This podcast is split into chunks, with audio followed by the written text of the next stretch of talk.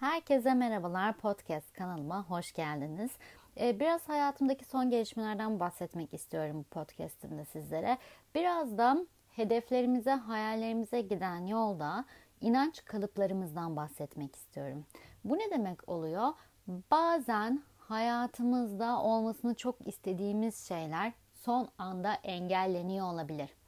Bizim tarafımızdan ya da başkaları tarafından ya da hep aynı şeyleri yaşıyor olabiliriz hayatlarımızda. Biliyorsunuz farklı yollar denese de e, bazen bu inanç kalıpları yüzünden hep aynı şeyleri yaşayan insanlar vardır etrafımızda.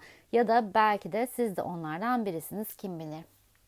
Karantina günlerinde e, ben olabildiğince içe yöneldim açıkçası. Olabildiğince hayal ettiğim şeylerde nasıl ilerleme sağlayabilirim buna baktım. Hayatımın her alanında sormaya alışık olduğum gibi bundan daha iyi nasıl olur diye düşündüm.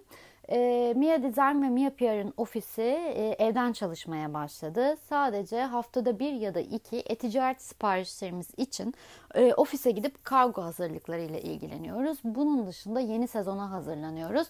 Bunun da dışında ne yapıyorum ben?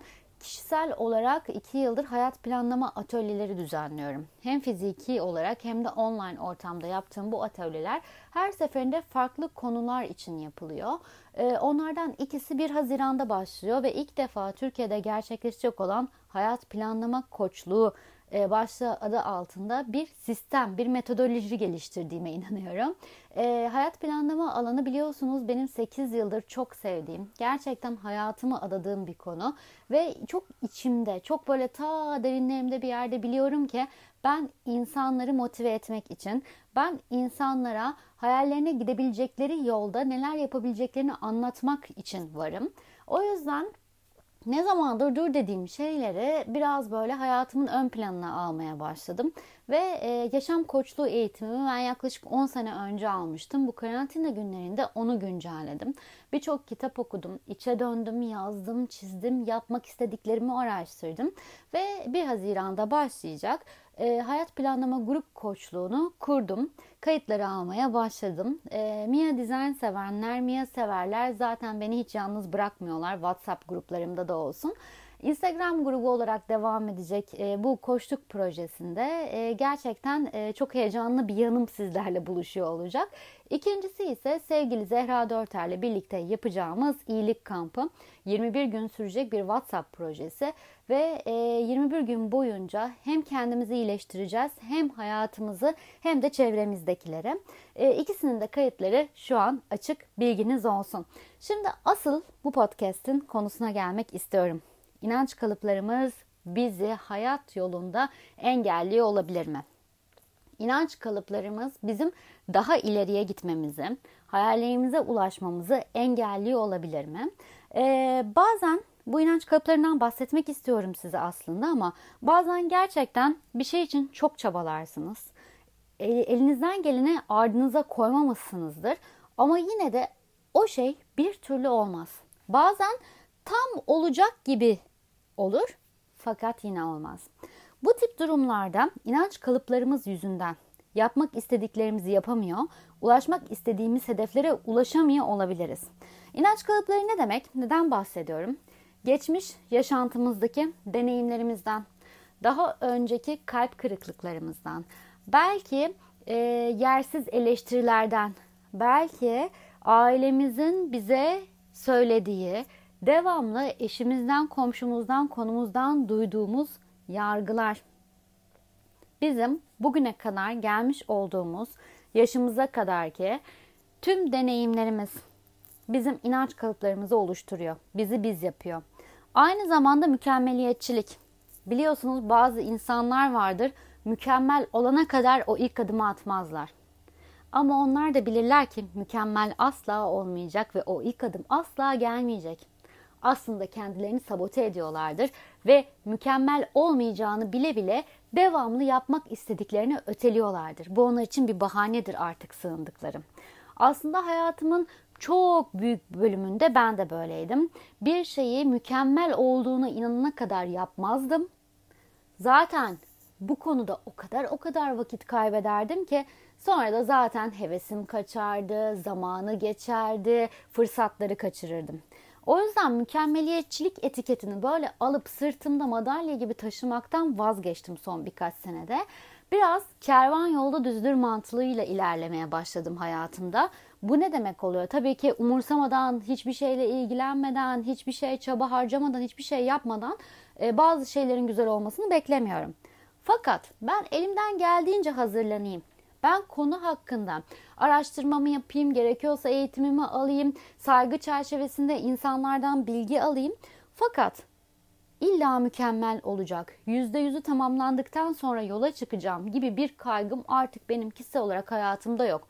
Çünkü bu kaygı bizi e, ileriye gitmekten alıyor. Geri kalıyoruz bu kaygı yüzünden. O yüzden mükemmeliyetçilikten vazgeçmenizi şiddetle öneriyorum. Çünkü mükemmeliyetçilik güzel bir etiket değil, ağır bir etiket. Fobilerimiz. Bazen insan içine çıkıp konuşmaktan korkarız.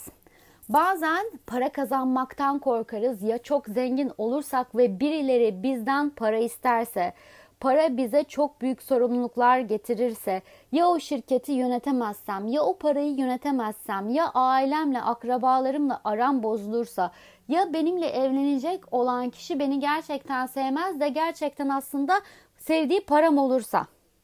Bu tip fobiler yüzünden, bu tip kötü inanç kalıpları yüzünden ilerlememizi kendimiz durduruyoruz. Bir diğeri kaygılar. Ya başarısız olursam, ya insanlar beni sevmezse, ya takdir edilmezsem, ya iyi bulunmazsam. Kusura bakmayın ama hayat gelip geçiyor ve bu hayat bir kere veriliyor size. O yüzden başkalarının ne dediği gerçekten umurunuzda olmasın. Sırtınızda bunları ağır bir yük haline getirmeyin. Siz sizsiniz. Bu sizin hayatınız. Sizin hayatınız olduğu için sizin yönetiminizde akması gerekiyor. O yüzden boş verin bu kaygıları. Bir de ön yargılar başlığım var sizinle paylaşmak istediğim. Ne demek bu ön yargılar? Sizin hiç düşünmediğiniz, çocukluğunuzdan beri farklı e, karşılaştığınız durumlar sonucunda ya da ailenizden kaynaklı durumlar sonucunda yine kendiniz bu yargıları özümsediğiniz bazı ön yargılar vardır. Mutlaka memur olmalıyım. Çünkü garanti iş. Mutlaka doktor olmalıyım. Belki illa mesleki seçimle de alakalı değil. Bu tip insanlar bu tip insanlarla evlenmeli. Kim bilir aşk ilişkisinde olabilir, arkadaşlık ilişkisinde olur. Birisine samimi davranırsam eğer mutlaka benim arkamdan bana kazık atar. Bu tip ön yargılar yine bizim hayatta ilerlememizi geciktiriyor ve bu tip ön yargılara bağlı kalırsak eğer gerçekten ileriki dönemlerde mutsuzlukla da tanışıyoruz. Bir de başkalarını taklit etmek. Sizin de çevrenizde oldu mu hiç böyle özellikle lise çağlarında, ortaokul çağlarında bu çok fazla olur.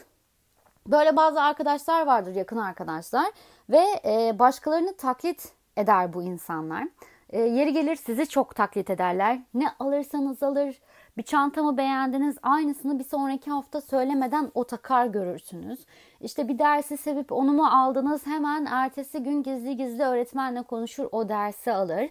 İşte böyle insanlar vardır ki sizin hayallerinizi kendi hayalleri yapmış insanlar. Ben mesela lise çağlarımda da böyle insanlar olduğunu, üniversite çağlarımda da böyle insanlar olduğunu hatırlıyorum.